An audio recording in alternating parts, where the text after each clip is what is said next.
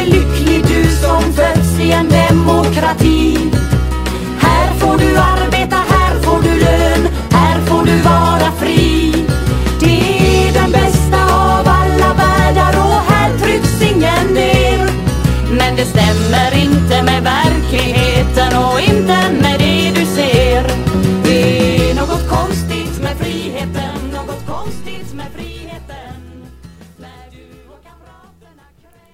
Ja, hej och välkomna tillbaka till Café Utposten. Vårt eh, fjärde avsnitt.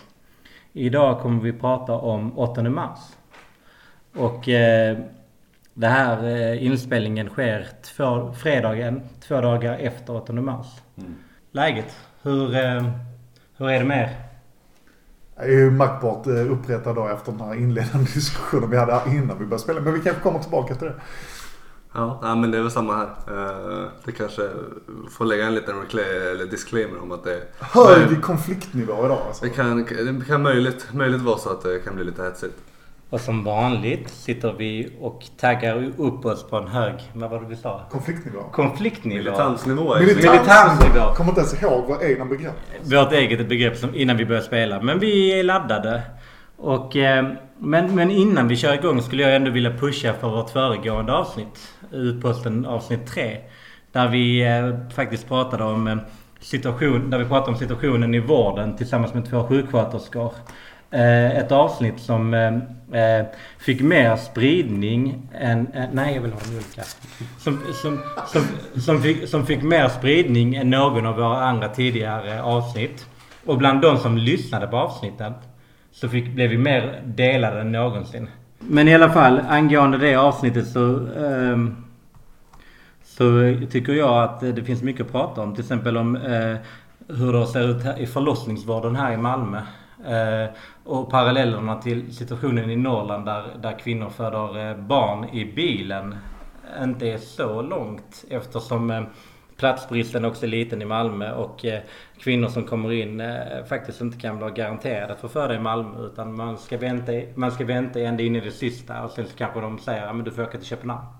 Eller du får åka till Ystad. Alltså du måste flytta den anteckningen. Du kan inte prata ditåt när micken är Ah, Okej, okej. Fair game. Okej, 8 mars. Eh, hur känner ni inför dagen och eh, har ni deltagit, deltog ni vid någon eh, demonstration eller någon av de aktiviteterna som hölls? Mattias? Nej, jag deltog inte. Det handlar inte om att eh, jag har något principiellt emot 8 mars. Det handlar om att jag typ var tvungen att vänta på att min TV skulle levereras. Och eh, också, men det kommer vi säkert återkomma till, att jag, jag känner mig inte jättelockad av det. Men jag har deltagit eh, förr. Jag har gått i både vänsterns och de autonomas. Alltså jag älskar att demonstrera och jag älskar att gå en demonstrationsdag. Så för mig spelar det inte så jävla stor roll vad det handlar om. Men eh, jag har deltagit liksom. Förr. Men jag gör inte det längre. Jag vet inte. Jag känner mig helt alienerad av rörelsen och eh, jag skulle lyxkonsumera istället liksom. Och, och jag del- deltog inte heller för jag eh, väntade faktiskt också på en eh, möbelleverans. Vi konsumerar så jävla mycket. Vi har inte tid att hålla på med politik liksom. Ja, det är otroligt vilka prioriteringar man kan göra. Alltså. Men dessutom måste jag säga att, att, att som småbarnspappa, eller pappa numera, de är inte så små längre, så blir det svårare och svårare att kunna gå ut och demonstrera och, och övertyga mina barn att vi gå ut en iskall, blåsig, snöig, regnig eh, onsdag Ja. mitt i veckan på demonstrationer. Ja. Men Sebbe, du var ju ute och demonstrerade. Ja men precis. eh, Jag är ju av, av liksom på något sätt eh, motsatta hållet här då. Att, att jag inte väntade på någon möbelleverans och jag prioriterar det här ändå högt utifrån den, den rituella händelser som det ändå är. Eh, Och jag eh, ja, hade inte riktigt bestämt mig vilket, vilket demonstrationståg jag skulle gå i. eh, Men det slutade med att jag gick med Vänsterpartiet och eh, FIs tåg. Som gick ifrån Gustav Adolfs torg i Malmö. till Möllevångstorget där. Ja precis och det där var förvånansvärt tycker jag ändå. Om man tar det för vad det är. Så var det, det var tusen pers i tåget. Mm. Eh, trots att det var riktigt jävla vidrigt väder. Alltså direkt när klockan slog fem så började det liksom eh, snöblandat piskregn. Eh, och folk stannade ändå kvar och lyssnade både på tal och gick i tåget och det var bra stämning. Och det, jag såg väldigt många unga människor, för främst unga tjejer som var väldigt peppade och väldigt, eh, väldigt engagerade. Så jag tyckte det gav ett väldigt bra intryck ur, ur den synvinkeln. Att man tar det för vad det ändå är. Ja, det är ändå imponerande att de kan få ihop tusen. En- Verkligen, och jag tycker också så att eh, en, en bra detalj som jag, som jag tyckte väldigt bra om var att det gick förbi eh, sjukhuset, akuten. Och att hela tåget ställde sig och eh, applåderade och jublade åt sjukvårdspersonalen där inne. Liksom. Eh, en, bra, en bra koppling, dels till vårt förra avsnitt men också till, till vad faktiskt en rörelse kan vara i liksom dels stöd och liksom energi till, till faktiska arbetare också. Liksom. Alltså det lilla mikromomentet där var ändå eh, någonting som jag kan, kan verkligen eh, upphöja. Men du säger ta tåget för vad det är. Ja men lite så. Vad menar du? Ska vi vänta lite med den där diskussionen? Eh, För jag tänkte faktiskt att vi kunde först diskutera eh, 8 mars uppkomst, historiska bakgrund och sen gå in lite på vad har det varit och vad är det idag och vad kommer det vara imorgon? Mm, ja men det kan vi göra. Ehm, och då, då tänkte jag jag kör och jag har eh, och så får ni fylla på eh, längs vägen. Eh, men jag har hämtat min, jag har hämtat min källa från eh, Alexandra Kollontaj. Och hon, eh, hon skriver eh, att eh, internationella kvinnodagen den kom till eh, omkring 1910 tiden när, när kvinnors rätt att, att rösta och eh, ta plats i de demokratiska församlingarna var eh, politiskt sprängstoff. Eh, att, att, att i, i samtliga kapitalistiska länder så kämpade arbetarklassen för att kvinnor skulle ges dessa, dessa rättigheter. Men borgarklassen vägrade. Det, det låg nämligen inte i deras intressen att stärka arbetarklassens rep, eh, representation i parlamenten. På den eh, nordamerikanska kontinenten så utmärkte man sig hårda, för att kämpa hårdast för dessa rättigheter. Där eh, organiserade man redan den 28 februari 1909 stora demonstrationer över hela landet. Där kravet var politiska rättigheter för alla arbet, arbetande kvinnor med betoning på arbetande. Eh, det var ju innan det var internationella kvinnodagen så var det ju arbetande kvinnor. En dag för arbetande kvinnor. Finns en inte, om jag får bara eh, lägga till det. Det är en sån intressant eh, detalj till det där. Eh, just vid 1909 där. För att det var ett sånt där eh, ovanligt slag av solidaritet som skedde där. Eh, för det har ju alltid varit en ganska, eller åtminstone i början av 1900-talet och slutet av 1800-talet så har det varit en ganska stark levande konflikt just mellan socialister, kommunister och eh, suffragetter. Eh, feminister, dåtidens feminister. Som, och suffragetterna var ju för då just politisk representation i parlamenten och, eh, och kvinnlig rösträtt och sådär. Medan eh, den kommunistiska och socialistiska rörelsen har företrädesvis alltid liksom, eh, föredragit eh, den ekonomiska klasskampen framför politisk representation.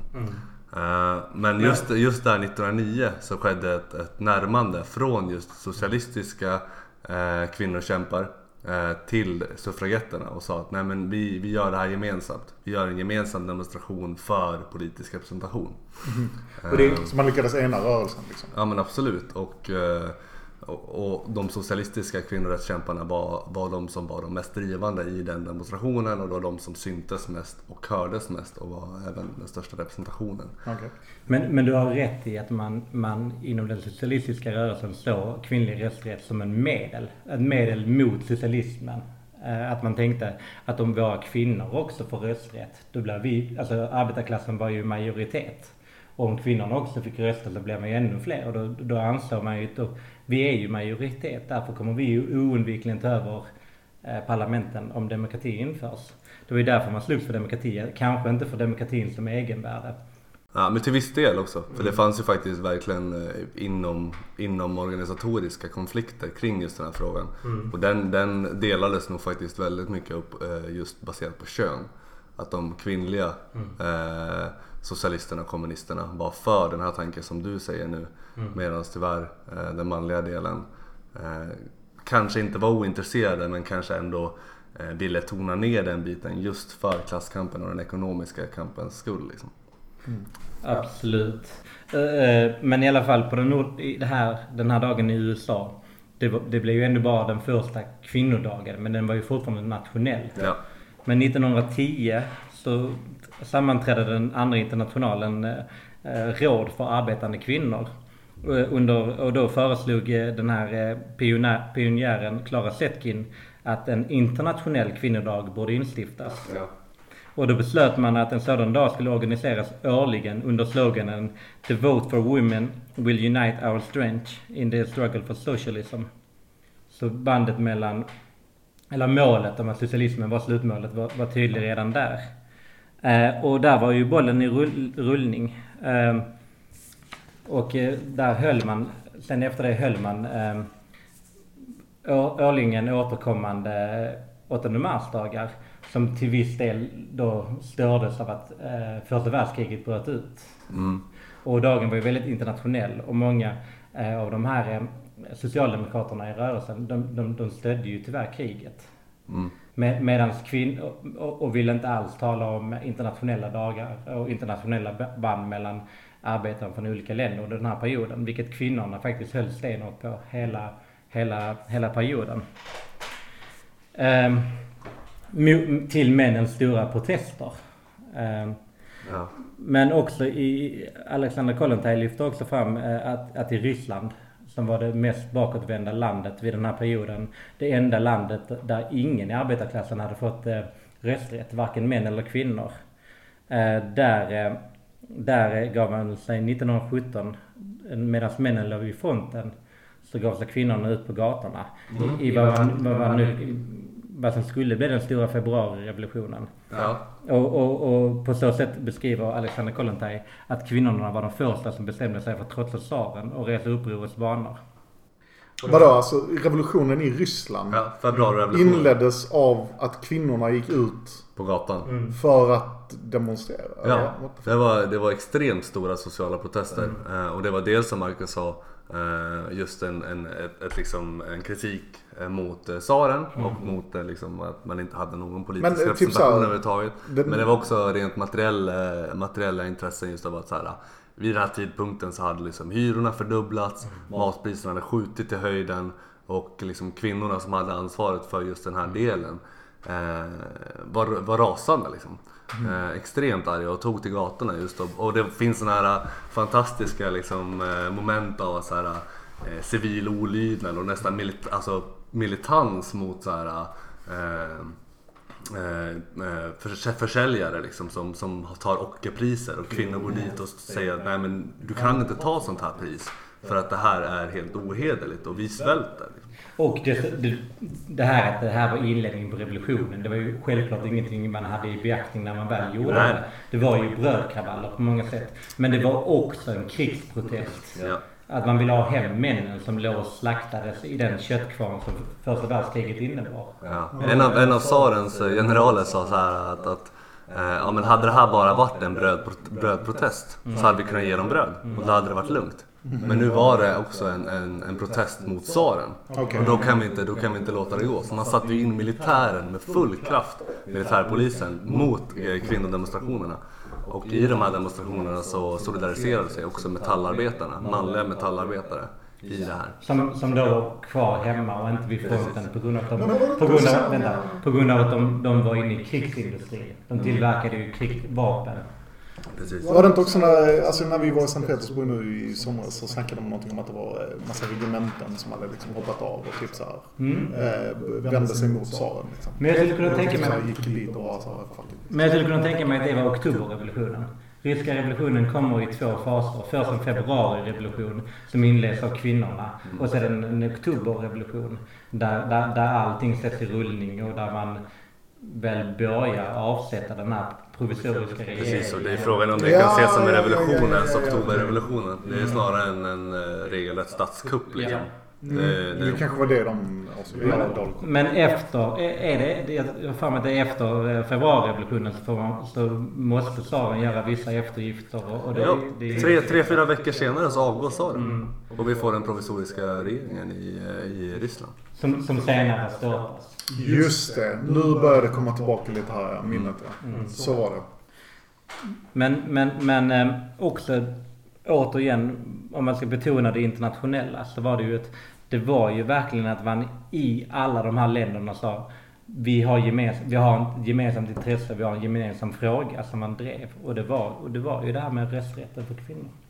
Så det här växer fram liksom första vågens eh, feminism, men det här är liksom en stor del av det då. Att man har internationella kvinnodagar, man har de här stora, stora sociala protesterna. Lalala. Har jag fattat det rätt liksom? Suffragetterna var väl en liberal Ja, precis. Detta, detta är ju en, detta är första vågen och första vågen. Detta är väl den första vågen i, inom den socialistiska rörelsen. Suffragetterna är, är ju en, ett annat fenomen. Det var de som Ja. var med på det här 8 mars-tåget eller? Ja men precis, just det. Alltså, 1909 där i USA så var ju det, det var ju det som var det intressanta där. Att, att eh, konflikten var så stark mellan suffragetter och liksom, eh, socialistiska kvinnorättskämpar. Eh, men, in, men just den dagen så, så närmade sig de socialisterna eh, suffragetterna och sa att "Nej, vi måste göra gemensam, gemensam sak av det här. Och, och med denna historiska tillbakablick i åtanke. Eh, vill du berätta lite mer om dag, årets 8 mars? Vilka frågor var det som restes? Vad var det man pratade om? Fanns det några drag av det här internationella fortfarande? Ja men absolut. En stor, eh, stor fråga i år eh, och det har ju varit det här, eh, just 2017 har ju även kantats av den här International Women's Strike.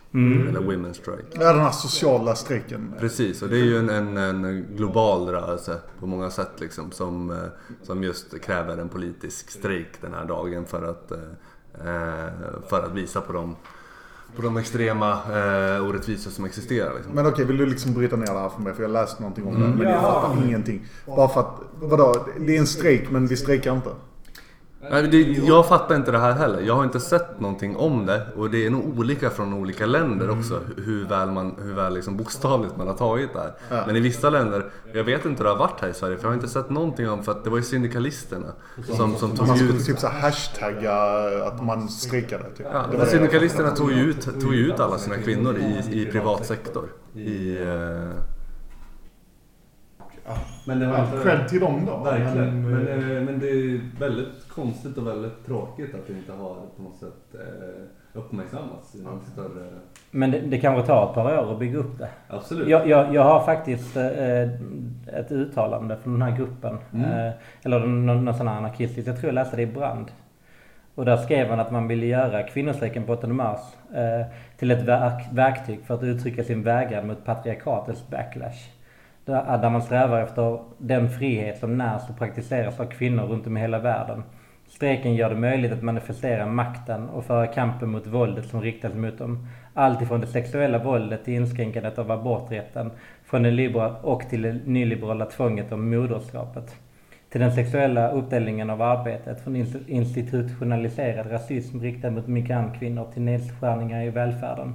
Strejken är transnationell och utspridd på en global skala. Den 8 mars kan därmed få en helt ny betydelse genom den kraft som finns i kvinnostrejken. Ja, det är möjligt. Alltså, det, det är verkligen hur man, hur man utnyttjar det. Ehm, för att eh, som en politisk, liksom rent retorisk grej så kan det vara rätt... Eh, alltså jag tänker speciellt om man får...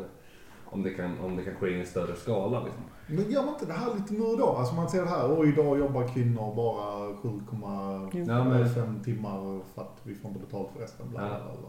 Alltså det, man har ju testat den kampanjen för. Jo men precis, men just om det här är... Eh, alltså IBS, International Women's Strike, är ju en, en global organisation, en global rörelse liksom. Som kanske då kan få, få en just, just en global effekt. Kanske ett sätt att vidareutveckla 8 mars. Kanske ja. Just, Och just det där, jag är inte säker på att detta kommer att bli någonting. Nej. Och jag är inte säker på att, att jag tycker att det är rätt metod. Men jag kan ju tycka att det är önskvärt att en diskussion kommer om hur 8 mars kan återvitaliseras. Hur, ja. hur, hur det åter kan bli en kampdag och inte bara vara en ritualiserad... ja men jag vet att du har Ja. pratat om det här ganska mycket just att du är trött på alltså, på något sätt högtidsdagarnas ritualisering. Mm. Men jag måste ändå så här inflika där att om vi bortser, om, alltså, om vi bortser från den allra först tidigaste perioden Mm. så har alla arbetarrörelsens högtidsdagar varit ritualer. Tänker jag också att Det är ritualer. Det har Ja. aldrig varit den dagen som har varit en, en stark kampdag utan kampen har ju förts alla Mm. andra dagar. Det här är liksom rituella dagar. Och, och det tycker jag är fine och rimligt. Problemet är när, när de stora breda lagren av arbetarklassen eller ens politiska subjekt inte längre firar. När det bara är, när det bara är någonting för de politiskt insatta. Vilket jag känner att det kan Men det vara. har inte alltid varit det. Nej, jag, nej, det tycker jag inte. Jag tycker att när man, om, om man tar en parallell, för jag tycker det är likadant med första maj. När jag tänker på Nej, nej, jag vet inte. Jag har ju inte levt på 50, 60, 70-talet. Men, nej, men, men, men jag har... Jag har Trots att vad man skulle kunna tro. Men, men, men precis. Men, men, men, men, den här, men min upplevelse där var att det faktiskt var någonting för de breda lagren och inte bara för de politiskt intresserade. Att, att man faktiskt, det var någonting som befolkningen eh, sysslade med. Man gick Pratar vi. Sverige nu? Ja, i ytterst var väl det jag menar. Men väl också lite globalt på, på, på olika sätt runt omkring världen. jag är inte säker på att jag håller med dig i, i Sverige. Jag tror att så här, anledningen till att det var mer folk på sossarnas första maj förr var för att det var fler som var sossar. Inte Ja. för att så här, fler människor Nej. brydde sig Jag, egentligen. jag, tror inte, jag tror faktiskt inte det bara var sossarna. För jag, jag satt och kollade igenom sådana här första maj, nu är vi första maj igen, eh, genom tiderna. Och på 70-talet, i ett tåg i Malmö så hade man nio tåg. En dag. Okej. Och, och varav det största hade 9000 deltagare. Okej. Så jag, tror, jag tror definitivt. Och det, det jag tänker lite är att varken min mamma, min mormor, min farmor, mina grannar. De går varken på 8 mars-demonstrationer eller de går på första maj. Och, och, och eh, det är inte så att det inte finns, jag vill poängtera, det finns ju jättemånga brännande frågor som är aktuella för, för 8 mars. Jag tänker på vården som vi berört tidigare, i synnerhet förlossningsvården. Eh, Jag tänker på arbetsmiljön i offentlig sektor. Jag tänker på kvinnors ökade känsla av otrygghet i de, i de, i de offentliga rummen. Och, och, och även på typ fattigpensionärerna. Men man lyckas ju inte mobilisera de här, den här utsattheten ut på gatan. Och det, och det handlar också typ så här, även om problemformuleringen på 8 mars är rätt. Även om man skulle skriva det perfekta politiska programmet så tror jag ändå man får leva med att människor tänker, ja men vad hjälper det att vi samlas på, tor på torget? Det förändrar ingenting. Alltså jag håller med dig och eh, sådär. Eh, typ, det är väldigt få jag känner som går dit överhuvudtaget. Som liksom inte är politiskt intresserade. Men vi pratade ju om det innan också. Att jag är ju inte deltagare. Jag vill uppåt rent generellt. För, för de här grejerna liksom. Ja, och då kommer du med motargumentet att det är befolkningsökningen också liksom. Jo men det är ju inte men- flyktingar som går på 8 mars. Nej, men det är ju inte bara flyktingar som flyttar till Malmö. Det är också väldigt mycket utbildade människor i, i de här eh, medvetna sekt, sektorn av medelklassen. Men jag vet inte heller om det där stämmer för att ehm, och det är svårt för någon av oss att veta Mm. utifrån någon slags anekdotisk bevisföring men, men eh, bara de personerna jag pratade med i onsdags så, så många hade inte varit på ett, eh, ett 8 mars tidigare. Och jag pratade med andra vänner och kamrater som sa att "Nej, men, kul jag ser de här personerna, det är personer från min eh, eh, liksom klass som jag undervisar. Eh, och eh, Mm. de, de är så här, tysta, till, tillbakadragna i klassen och här de och, och skriker för fulla halsar. Ja, jag upplever också att det är mer människor som går på de här grejerna. Men det, jag bor ju liksom i Malmö och sådär. Det, jag kanske, det kanske inte är representativt. Men det känns som att det är mer människor som går. Men- Men, men, samtidigt håller jag med Marcus att Mm. så här, nästan ingen jag känner som inte är politisk Mm. går ju dit. Och, och det, det jag känner lite så här, jag känner att den enda anledningen som finns, och det här pratar vi också om i vårdavsnittet med sjuksköterskorna, är att anledningen till att man demonstrerar idag, det är ju man känner pepp av att gå dit. Man, man, man finner styrka i varandra. Precis. Och det, och det är gott nog. Det kan vara god nog anledning. Men det får inte stanna där. Nej, Och, och, och där tänker jag också att jag tänker också lite att, vi, att, att vänstern och alla sociala rörelser måste komma in i den tiden vi lever i. Okej, demonstrera på 8 mars om du vill det. Demonstrera på första maj om ni vill det. Men jag tänker också att om tusen personer, alla, om alla de som faktiskt engagerade sig nog att gå ut i, i snöblåsten Mm en, en väldigt kall eh, onsdagskväll. Om de också tillsammans ko koordinerat hade typ så ringt, mejlat, interagerat med politiker via sociala medier. Formul formulerat krav om exempelvis för förlossningsvården hemifrån soffan. Så hade det kanske också gett mer ringar på vattnet i ett läge där alla har stenkoll på vad ens vänner gör på sociala medier. För det är ju riggat. Vi får ju notiser så fort någon gör någonting. Eh, men, vi har, men vi har kanske sämre koll på vad människor gör offline idag. Så jag menar, gå, gå, gärna, gå gärna ut. Gå gärna ut. eh, Men gör inte folk det här också? Alltså, Nej, inte koordinerat. Det, Jo, jo. liksom. Det- Inte, inte koordinerat, det är det som är problemet. Det finns vissa, det finns vissa lärdomar att dra till exempel av de här, eh, eh, även hur en viss del av den amerikanska högern har, har, har, eh, organiserat sig. Men vi behöver inte ens gå in på det Mattias. Men, men också, på, också på hur dess föregångare Occupy gjorde. Occupy-rörelsen, hur man organiserar svärmar. Att nu mellan de här tiden så ska vi verkligen ligga på på denna frågan och skapa en beehive som skapar tryck mot makthavarna i en viss fråga. Vilket man kanske, tänk om alla de här tusen hade verkligen hört av sig till, eller inte alla tusen, alla som organiserar sig runt om i landet på alla 8 mars hade hört av sig till de ansvariga om, om BB, förlossningen i Sollefteå. Låt mig vara pessimist här. Så här politikerna skiter väl i om det är tusen personer som mejlar. Det tror jag inte spelar någon roll. Och så här, det här med Nej, nej, beehives. nej, nej. Vänsterpartiet Mm. har ju redan liksom en jävla policy. Och att så här, oh, nu ska vi göra, sprida det här i en månad liksom. Mm. Och, och alla som är på de här 8 mars demonstrationerna, de lägger ju ut det här på sociala medier. Men, Jag, jag jo, tror men det liksom, dels så tror jag inte riktigt på internetaktivismen. Mm. Eh. Men det kan vi ta ett annat avsnitt. Det har vi ju varit Mm. inne på.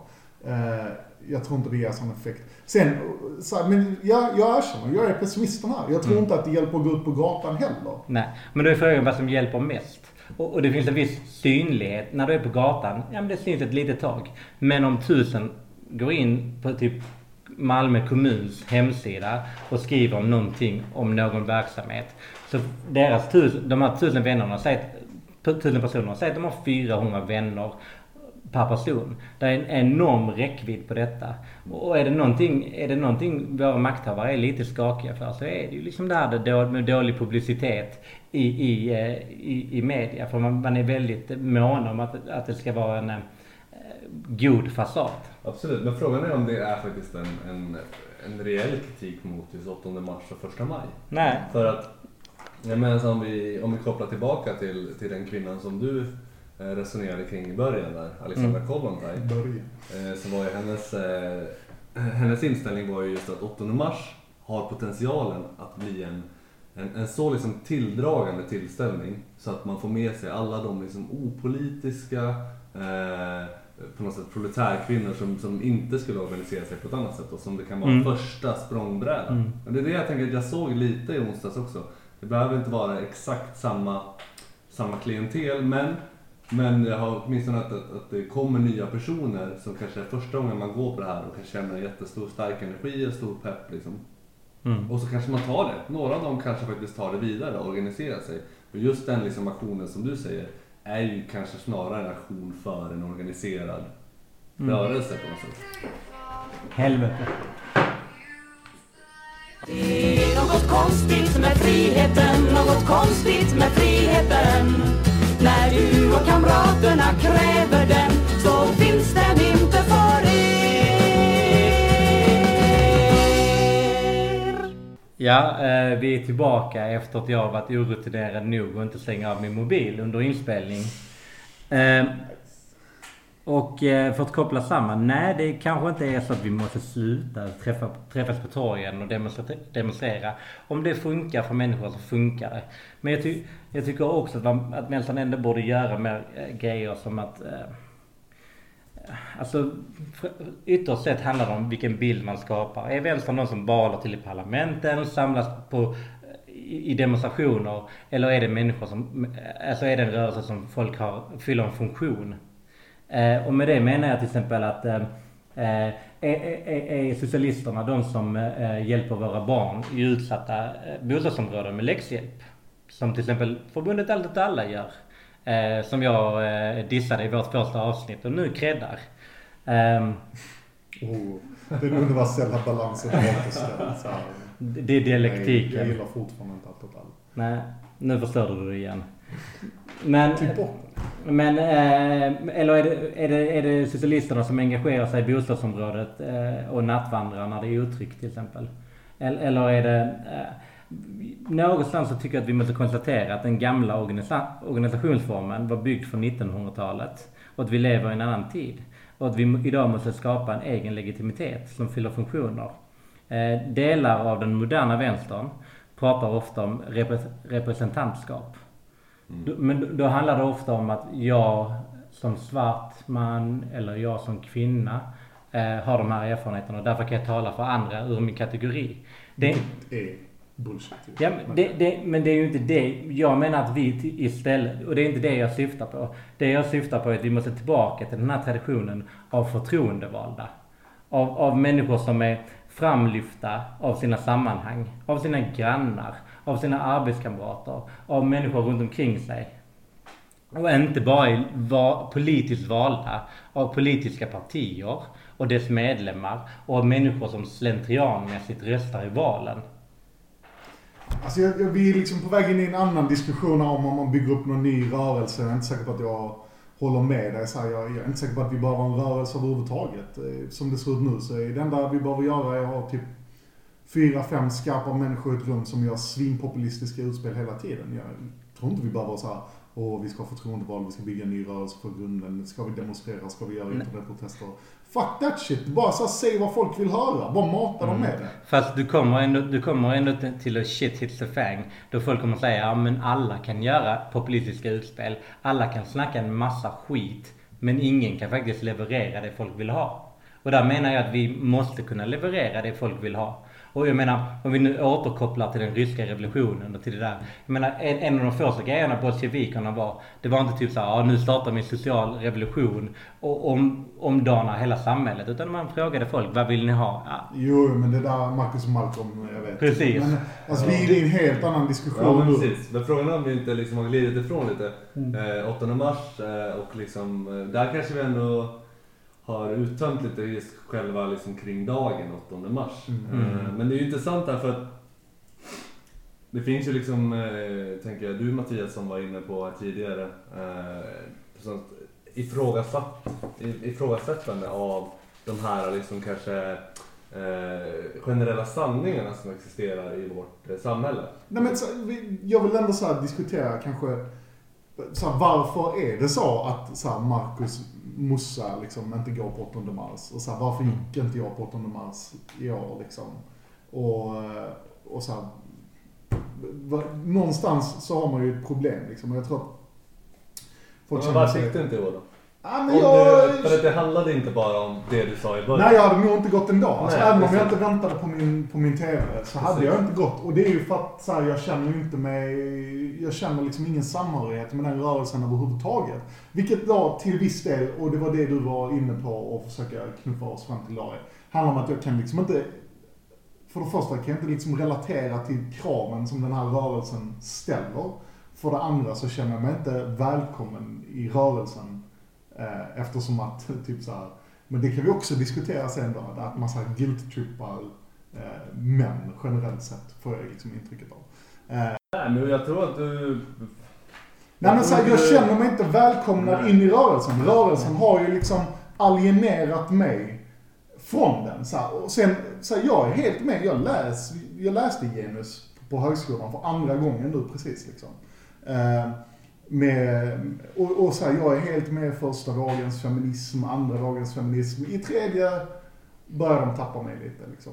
Eh, och det är ju liksom den här postmodernis, eh, postmoderna feminismen som har helt så här, tagit över nu liksom. Och jag känner mig inte alls välkomnad in i den rörelsen. Men är det, är det liksom med, med, med de tankarna som, som, som man ska solidarisera sig? Eller kanske med frågorna som drivs på Jo, en, på en sån rituell högta, högtidsdag?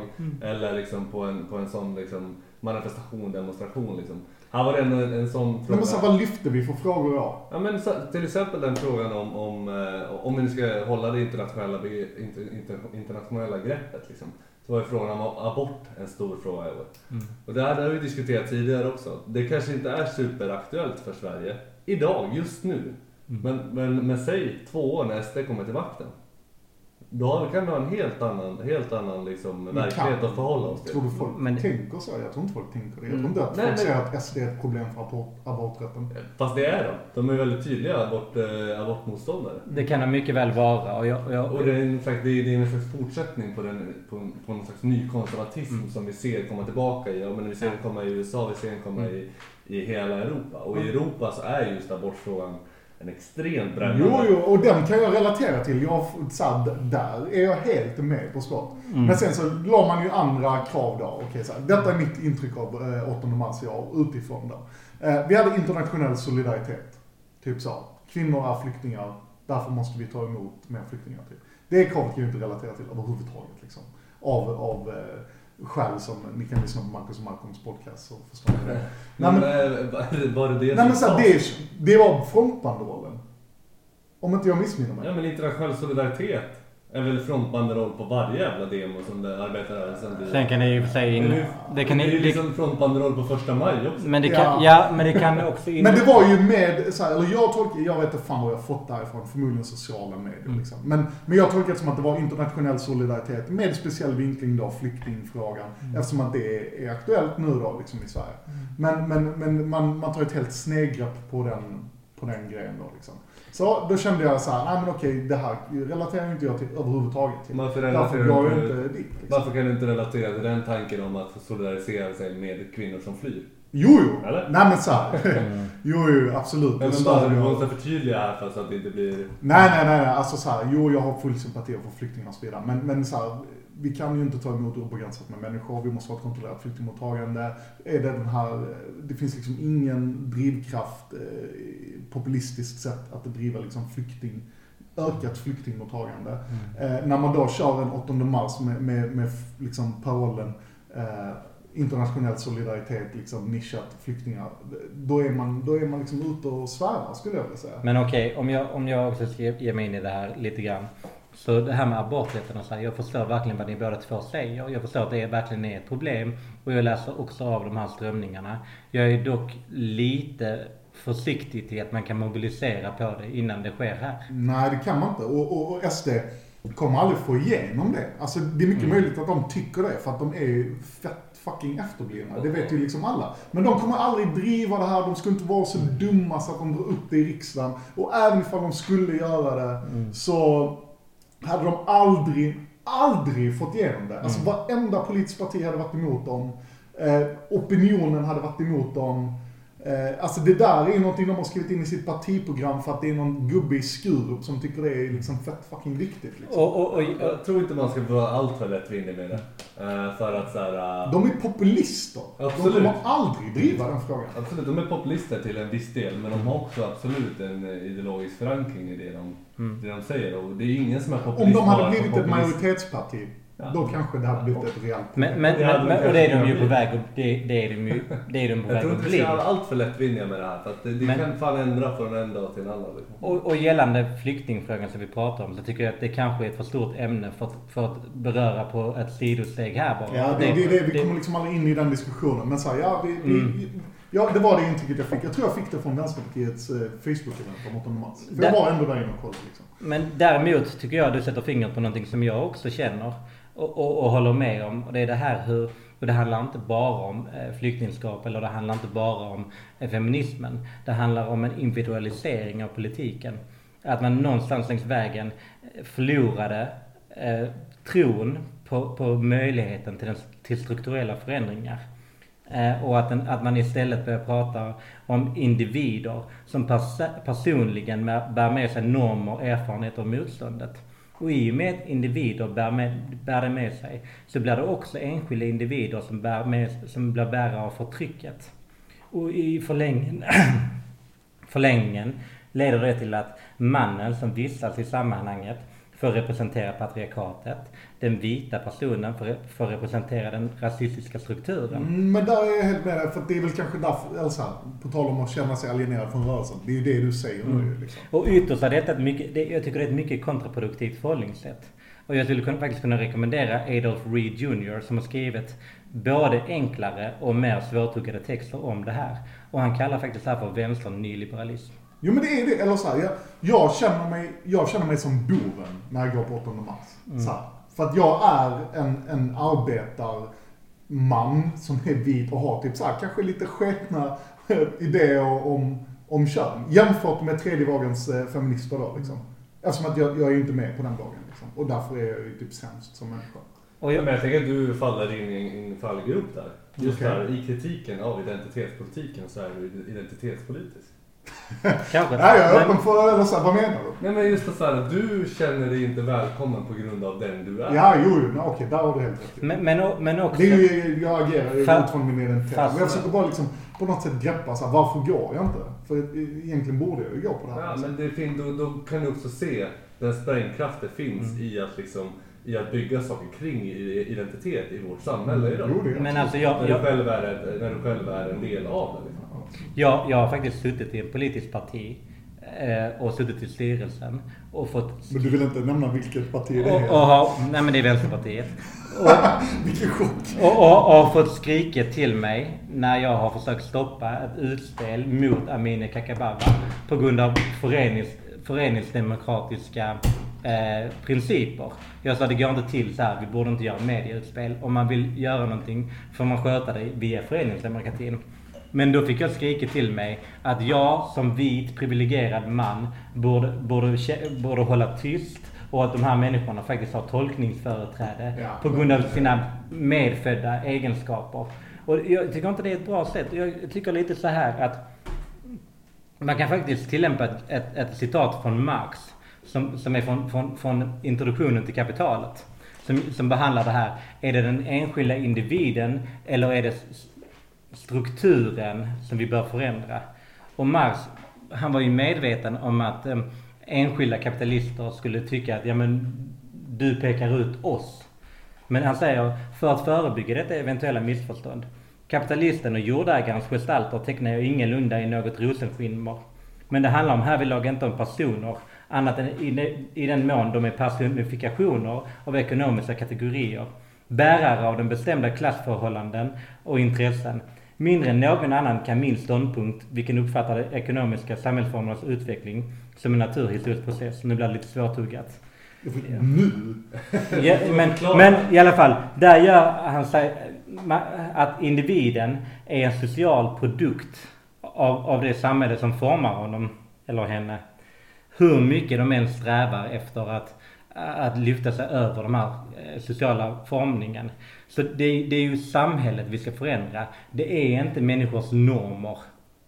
Att, att förändra människors normer, det, det- det, är kontraproduktivt. Vi måste, vi, alltså socialismen har alltid byggt på att förändra samhället. Jo men absolut, ja, men så här är vi helt eniga. Men nu har vi ju glidit in i något helt annat. Ja, vi diskuterar Nej men det, men, ja, men det är just det det handlar om. Att, att du får representera den vita mannen eller du får, får, får, får och ha de här åsikterna och därför ska det vara tyst. Men egentligen kanske du inte alls bär dem. Nej. Alltså vår rörelse är kollektiv till, till sin form. Inte, inte individuell. Och det här är ett problem. Det här är ett problem. Jag tror inte man kan, jag tror inte, jag tror inte på allvar, de här människorna vi pratar om, min farmor eller din arbetskamrat eller dina kompisar. Jag tror inte du kan ta med dem till vänstern idag. Jag tror inte du kan sätta Nej, dem... absolut Du- inte. Det har vi inte kunnat göra för fan sedan 1953. Men, eh, men liksom, eller någonstans så skedde det ju liksom. Fast däremot att eh, verkligen så här om vi tittar på liksom eh, de, de rituella högtider som vi pratar om idag. Mm. Där, dit så absolut hade man kunnat ta med. Jag hade, Eh, alltså, jag hade inte kunnat många- betala någon av mina vänner till att gå dit. Nej men så många som, som eh, till exempel går på första maj. Som är det, det är liksom det enda. Det är det enda Det är politiska det enda de gör, ja. Men de är ju ändå politiska i grunden. Mm. Politiskt intresserade kanske, ja. Ja. Men, men eh, jag tänker att politiskt intresserade är ganska många människor.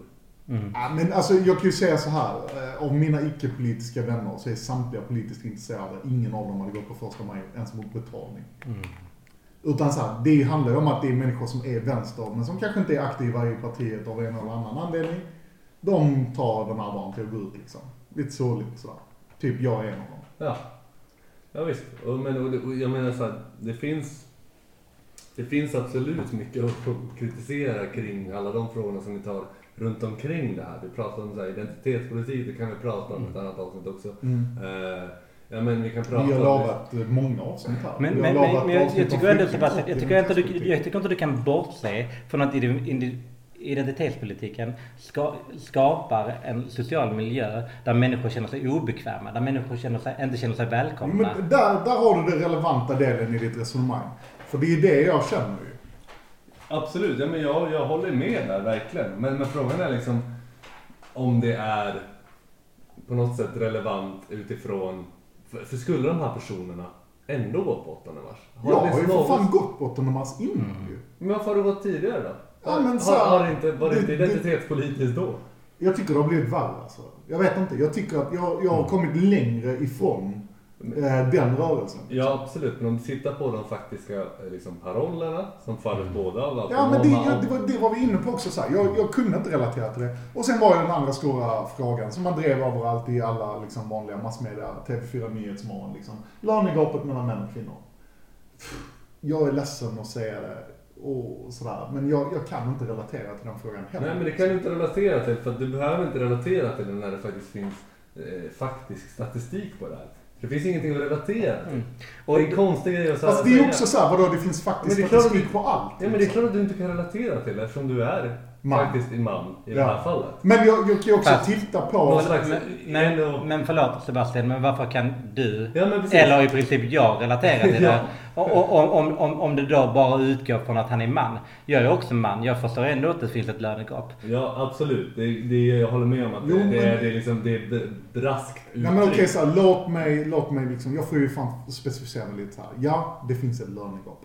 Jag är dock något mer tveksam till om det är en kvinnofråga eller om det är en fråga inom kapitalismen liksom. Men jag skulle kunna besvara dig lite här och det är ju rent statistiskt. Den här, det kommer en utredning ungefär varannat år som heter På tal om kvinnor och män. En statlig utredning. Och den slår fast att, att kvinnor tjänar i Sverige 87% av, vad- av vad männen gör. Men den avgörande orsaken till detta det är inte att kvinnor och män får olika betalt för samma arbete. Även, även om det också förekommer. Det beror på att män och kvinnor arbetar i olika yrken och i olika branscher. Men det är ju, det, det är ju detta jag sitter och säger. Jo. Så jag säger ju inte att det inte finns ett lönegap. Jag säger bara att det beror kanske inte på kön. Fast jag menar att det absolut be- beror på kön. Okej. För fler kvinnor än män arbetar i offentlig sektor där lönerna är lägre. Men där vi också ser att arbetsmiljön är skriande. En fråga som vi berört tidigare i, i podden. En annan ojämlikhetsfaktor på arbetsmarknaden är hur olika yrken könskodas. Något som för övrigt ligger till grund, till den redan segregerade menar arbetsmarknaden. alltså att man systematiskt betalar kvinnoyrken mindre för att det är kvinnoyrken. Det är Nej. det ni säger. Men- men- jag menar att så här, Mm. anledningen till att du får sämre betalt i offentlig verksamhet är för att det är offentlig verksamhet. Men varför väl? Inte för att det är kvinnor som jobbar i den. Men det är inte bara... Det- that's my det, point, Det, det är inte liksom. så. Det, det, även, även, även privata yrken där kvinnor dominerar har, lä, har lägre löner än Ja, men vad, män har. Jag har inga exakta eh, exempel att jag på har just det jobbat nu. i det privata hela mitt liv. Jag har inte upplevt något lönegap. Nej men det, Men- ju, det funkar inte så liksom. Men, men, men, anekdotiskt Nej, det fattar jag ju Men- också. Att men- man måste kunna titta på det på ett strukturellt sätt. Men jag menar att så här, det finns, det finns ju inget Mm. lönegap som är baserat på kön. Jo, det gör det. För att om jag bara får lägga till Ja. snabbt här. Ja. Så när du, liksom, när du korrigerar för alla de grejerna som vi pratar om nu. Mm. Liksom, vilka yrken man jobbar i, eh, utbildning och så vidare och så vidare. Så finns det fortfarande lönegap på 4-5% i Sverige. Men vad? okej, så här, du säger de här sakerna. Ge Ja. mig, så här, jag är lite för dum för den här akademiska diskussionen. Men, men, akademisk... Om vi går ner till fucking Coop, Mm. då tjänar ju alla lika mycket på Coop, undantaget individuell lönesättning. Mm. Och där kan jag köpa kanske till viss del att män har en, en, en tendens till att ta för sig lite mer och därav ha lite mer i, i, liksom, i lön. Men- Möjligtvis på men, men, men varför? Det jag skulle vilja säga då Det är... handlar ju om skiktningar inom kapitalismen. Jo, vi, men- De har ju olika löner på Coop för att vi har individuell lönesättning. Inte för att det är män och kvinnor som jobbar. Absolut Mattias. Men om jag får säga nu. Så på Coop. Varför tjänar man lägre i kvinnodominerade kassörskor? Varför tjänar de mindre lön, än lagerarbetarna? Det kan ju finnas tusen De är väldigt... Jo, men i alla fall. Men, men alla Så det vet. kan ju bero på att lagarbete kanske Men- är tyngre eller så har de ett Ja. bättre fack. De mansdominerade Mm. facken Men i alla är fall- traditionellt sett bättre på att förhandla löner. Det kan ju Mm. vara, Mm. jag vet inte, är det ett, är det ett problem? Ja. Vad ska, man, vad- ska vi göra? Ska vi säga till Byggnads ska vara sämre på att förhandla lön? Nej, det ska vi inte. Men, men vi, vi ska vara Det medvetna. fanns ju en, en Mm. någon sån här tanke inom LO ett tag att man skulle eh, i de centrala förhandlingarna så skulle man kompensera för löneskillnaderna Mm. mellan branscherna. Det, är, det stödjer jag till 100% liksom. Men vi ska Ja, vara... då, är, då, är, då är det ett sätt Mm. att motverka kapita, att kapitalismen missgynnar yrken som kvinnor råkar välja. Liksom. Men vi ska också vara medvetna om att kvinnor och män föds i ett samhälle som lägger olika förväntningar på dig. Du förväntas bete dig och, och bli någonting annat om du är kvinna än om du är, män, om du är man. Och, och, och, och, och det, det formar också vilket val, yrkesval du gör. Och i Sverige så gör vi faktiskt våra yrkesval när vi är ungefär 15 år gamla. Då vi är som mest utsatta för grupptryck och vad våra kompisar väljer. Så om kvinnor i allmänhet, om fyra eller fem av dina bästa tjejkompisar väljer omvårdsprogrammet men ingen tjej väljer byggnadsprogrammet. Då har du större tendens att välja, jag, välja jag, alltså, jag kvinnoprogrammet. hör vad du säger. Men- jag har hört det här innan också. Jo, och Men- jag, jag får bara, jag får bara utveckla min tråd färdigt. Jag vet att den är lite lång. Men i alla fall, även normbrytare som väljer ett manligt dominerat yrke som kvinna eller mannen som väljer ett kvinnligt dominerat yrke blir påverkad av det här. Den manliga sjuksköterskan eller förskolläraren, när han kommer till arbetsplatsen så lyfter han ofta fram, lyfts fram av kvinnorna, får manligt kodade uppgifter. Sjuksköterskan får till exempel ofta agera utryckningspersonal i ambulansen. Det är action, det är häftigt. De, de, de, de gör ofta mycket karriär väldigt tidigt. Men är De- det inte de- bara de- att män väljer det? Alltså om jag tittar på ambulansförarna jag jobbar med på akuten. Varför Så de söker de ju sig aktivt till det. För att de gillar att köra bil snabbt och ha de det? Och sen på BB så är det bara tjejer som sitter där liksom. Men varför gillar de det? Ja, det, jag vet inte. Ja, du kan diskutera genusstrukturer och så vidare. Men så här, det, kanske bara är så att, att rent liksom biologiskt, om du tittar på psykologisk forskning och så vidare, så kanske kvinnor tycker det är roligare med omvårdnad och män tycker det är roligare med saker som går snabbt och Men- låter mycket. Liksom. Men om jag får återvända till mina norm- fuck liksom. Om jag får återvända till mina, mina normbrytare. Så en kvinnlig svetsare berättade en gång för mig att, att, att hon istället för att lyftas fram som den manliga förskolläraren gör. Så fick hon hela tiden, hela tiden leva med att vara ifrågasatt. Och även när hon var den absolut mest yrkesskickliga personen i gruppen. Då, då fick hon hela tiden höra att nej men du ska gärna vara bra för att bevisa din plats. Men du får inte vara för bra för då stör du ju gubbarna. Eh, och därför fick den här kvinnan hela tiden hålla tillbaka och nöja sig med enklare jobb, nöja sig med mindre löneutveckling. Eh, trots att både hon... Men så vägra acceptera det. Så Men- men, jag kanske, jag vet inte, jag är en stor vit skrikig man här. Men- Men, jag hade ju aldrig låtit någon Nej men, snacka så. nej men hur lätt hade det varit för dig? fuck? Men hur lätt hade det varit för dig då som en mindre kvinna omgiven av människor som är mycket större än dig, mycket skrikigare än dig och som har varandra och håller varandra om ryggen. Eh, Fan, man kan Eller såhär, ja okej. Hur- Eh, hur- jag- Det måste du kunna relatera till. Som en, Nej, jag som kan en, fan inte Nej, men relatera som, en- till Som en av dem. Som en Ja. av de gubbarna liksom. Vadå att jag Ja men hur, det, det har ju du och jag jättemycket erfarenheter av och alla som vi har umgås med. Att det är svårt att ta sig fram i diskussionen. Det är svårt i den här podden att ta sig fram i diskussionen eh, med, med liksom personer som tar väldigt mycket plats. Mm. Och, och män kanske främst i, liksom, i en sån traditionell något sätt, sektor som industri, metallarbetare. Eh, kanske just har de egenskaperna. Just av de grejerna som du har varit inne på. Mm. Varför, man väljer de, varför, varför man väljer de yrkena man väljer. Och då ska man också vara medveten om, om att alla samhällets högt värderade yrken, de är manligt kodade. I allra högsta grad så är även ledarskapet, chefsrollen är jättemanligt kodad. Så även den kvinnliga chefen är ändå alltid minoritet i ledningsgruppen. Eh, vilket gör att hon också blir ifrågasatt och hela tiden känner sig ifrågasatt. Absolut. Och, och här finns en grej som man, också, som, som, som man också bör tänka på när man pratar om feminismen. Och det är att feminismen berör inte bara kvinnor, det berör också män. Det finns också, jag jobbade under en lång period, nästan 10-15 år, i trävaruhandeln. Som består till 90, eller trävaruindustrin snarare, som består av, till 99% av män. Och, och alltså den här mansnormerna, den påverkar män också. För man ska, ibland, och det här gör vi oss i vänstern också skyldiga till, det är att vi säger att ja, men det är bara kvinnor som förlorar på patriarkatet. Det är det inte alls. Män mår skitdåligt. Men så allt det där köper jag. Ja. Jag köper alla de här teoretiska konstruktionerna liksom. Men, och jag, jag vänder mig inte emot dem, säger Mm. ingenting emot genusteorin och de här grejerna. Men, Mm. men, men jag, man måste liksom kunna nyansera det här lite så här. Bara för att vi har identifierat det här så kanske det inte bara är det det handlar om. Liksom. Mm. Kapitalismen kanske är ett långt mycket tyngre system än, Mm. än liksom vad vissa genusstrukturer är. Liksom, som genomsyrar allt. Liksom. Men jag, Det, det, det är liksom bara det jag försöker säga. Att så här, det, vi kanske har ett lönegap här. Men, men det kanske handlar om någonting annat än det vi diskuterar. Men, men jag skulle vilja Jag, säga... jag vet inte om det, är- alltså, om det är olika saker vi faktiskt diskuterar. Vi, vi diskuterar väl just hur kapitalismen faktiskt då fungerar. Mm. Att den ställer grupper mot varandra. Mm. Och att den, den faktiskt eh, använder kvinnors då Mm. underordnade ställning på grund av patriarkatet till sin fördel.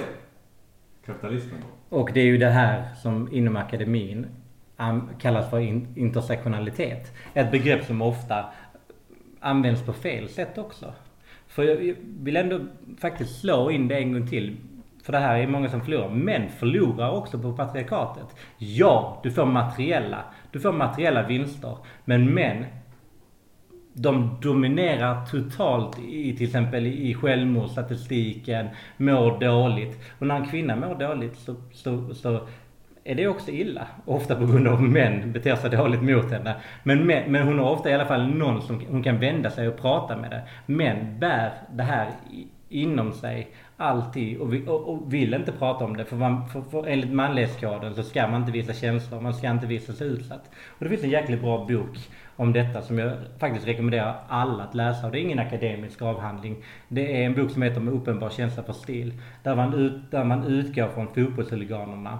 Och den debatten som var efter att eh, Deogan blev mördad, i den, eller dödad i den här uppgörelsen mellan IFK Göteborg och AIK. Och då, då pekade hela, hela Sverige pekade på, och vad är det här för vilda? Hur kan det bete sig så här i ett modernt samhälle? Och där, där gick den här författaren igenom, jo men minifragment av det man ser hos fotbollshuliganerna finns på varenda skolgård, på varenda arbetsplats. Och det är manliga machonormer som ligger till grund för det här. Ja ja men jag, jag, bara funderar här om det faktiskt...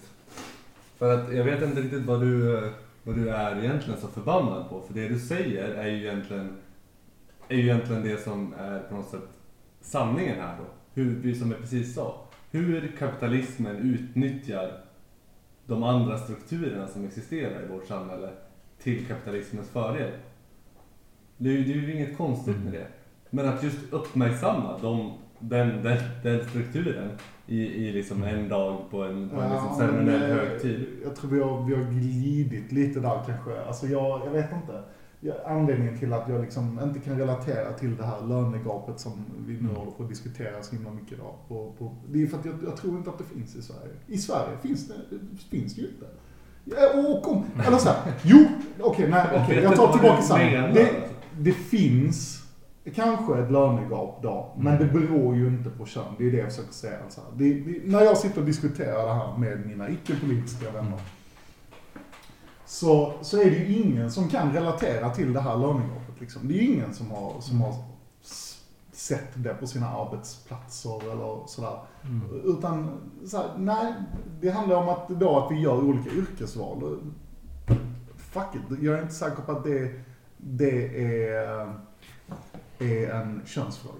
Men det, man- det man kan säga här är också, vi kan, vi kan enas om att vara oense om den här frågan. Men det man kan säga är att Mattias har en poäng i att lönegapet i Sverige mellan kvinnor och män är litet om man jämför med resten av världen. Absolut. Men istället så kommer andra variabler in play. Liksom. Och det är till exempel vilken makt du har på arbetsplatsen, vilka förutsättningar du har att göra karriär, vilken, alltså vilket handlingsutrymme du har. Ja, jag eh, är ju inte riktigt eh, ombord där heller. Nej, men ska vi... Har vi andra frågor att diskutera? Men jag kan Nej, säga men så det här är bara så här, lite som svar där att, nej, men det, det kanske är så. Du kanske inte har de erfarenheterna i din sociala krets. Det är mycket möjligt. Det, det, Men, så, men det- det är mycket möjligt. och Jag kanske inte heller har det. Men, Nej. men, då kanske det inte finns. Nej men så kan, vi inte, så kan vi inte resonera om vi ändå har ett, ett faktiskt eh, eh, statistiskt eh, liksom, institut i Sverige. Men man kan få försöker- statistik på allting. Alltså. Jo, men, men om man, som vi pratade om tidigare. Om man liksom ändå eh, struntar i, i hela den diskussionen som vi har haft med just att eh, kvinnor och män väljer olika yrken, bla bla bla, bla, bla, bla liksom, eh, det är olika utbildningar, kompetens och så vidare. Så, så, så finns det tydliga siffror på att det existerar liksom ett lönegap mellan män och kvinnor på 4-5%. Och, Var, varför det är så? Ja, du menar att det, det skulle bero på kapitalismen? Ja. Och det, Alltså, just den, just den. Och alltså, till viss del kanske bi- biologiska skäl att, att män och kvinnor är, helt enkelt väljer olika saker och att kapitalismen väljer att värdera de här sakerna på olika sätt. Liksom. Eh, så, jag, jag är inte säker på att det, det, det finns en könsstruktur som är med här och, och, och, och trycker på. Liksom. Jag, jag tror ju att samhället formas av sociala relationer och, och inte alls i lika hög utsträckning av psykologiska. Eller, eller, eller biologiska. Och det, men, men ändå tror jag att Mattias är inne på någonting. Att den här, den här eh, lönegapet kommer nog minska. För, för, för om man kollar på högskolor idag, om man kollar i läkarna, om man kollar hos advokaterna, hos alla Ja, jag kan högstatusyrkena. säga att 75 procent, om inte mer 80 procent av min klass är tjejer och de Precis. är fan högpresterande dessutom. Kvinnor, kvinnor, kvinnor kommer förmodligen att gå om eh, män Det är ju ett faktum. Gen- generellt.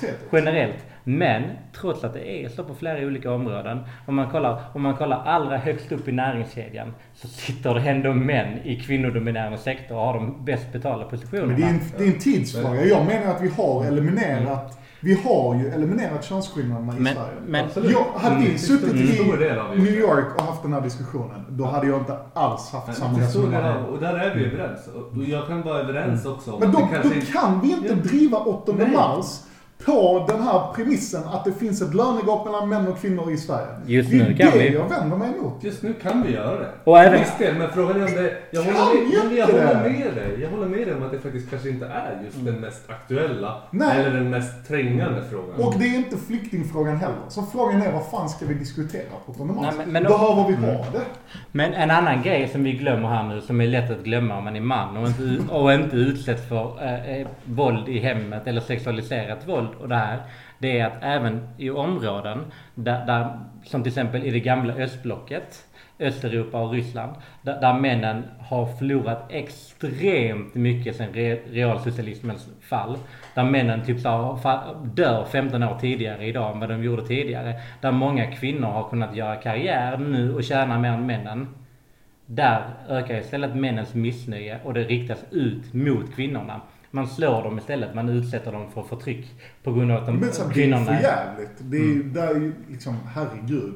Jag vill inte framstå som en jävla manskis här. Jag vill bara att så här, vi, vi måste ju kunna nyansera debatten lite. Men absolut. Och jag kanske tar en extrem position eh, liksom i det idag. För att, men, men, men jag menar så här, allt det där med Ryssland, man ska inte säga, jag är helt ombord liksom. Jag bara menar att så här, vi måste kanske också kunna titta på Sverige och säga att det har gått bra. Vi lyckades. Det är löst. Problemet är borta. Men- Vad ska vi diskutera vi är nu? nästan där. Mm, Men det, du kan inte säga att det har lyckats när det faktiskt eh, Men- existerar. Det här.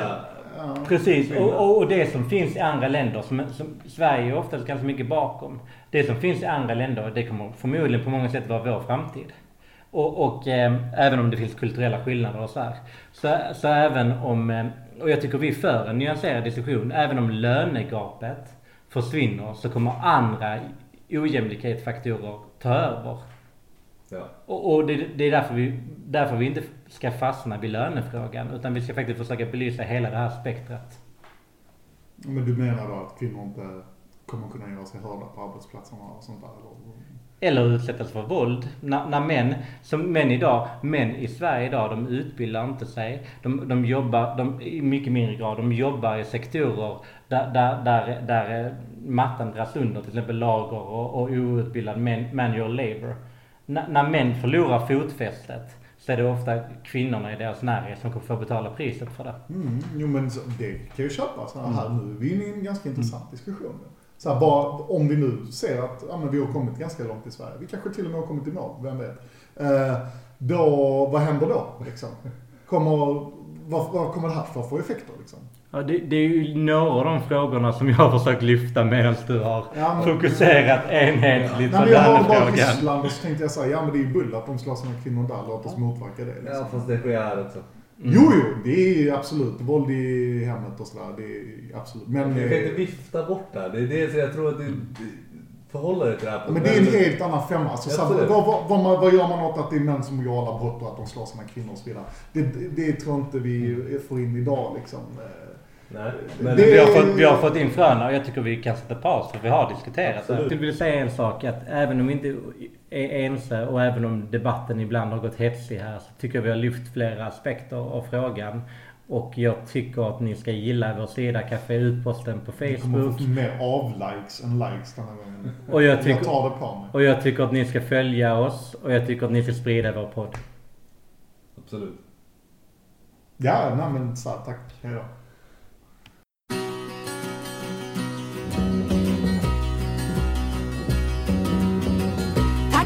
du, är lycklig du som fötts i en demokrati. Här får du arbeta, här får du lön, här får du vara fri. Det är den bästa av alla världar och här trycks ingen ner. Men det stämmer inte med verkligheten och inte med det du ser. Det är något konstigt med friheten, något konstigt med friheten.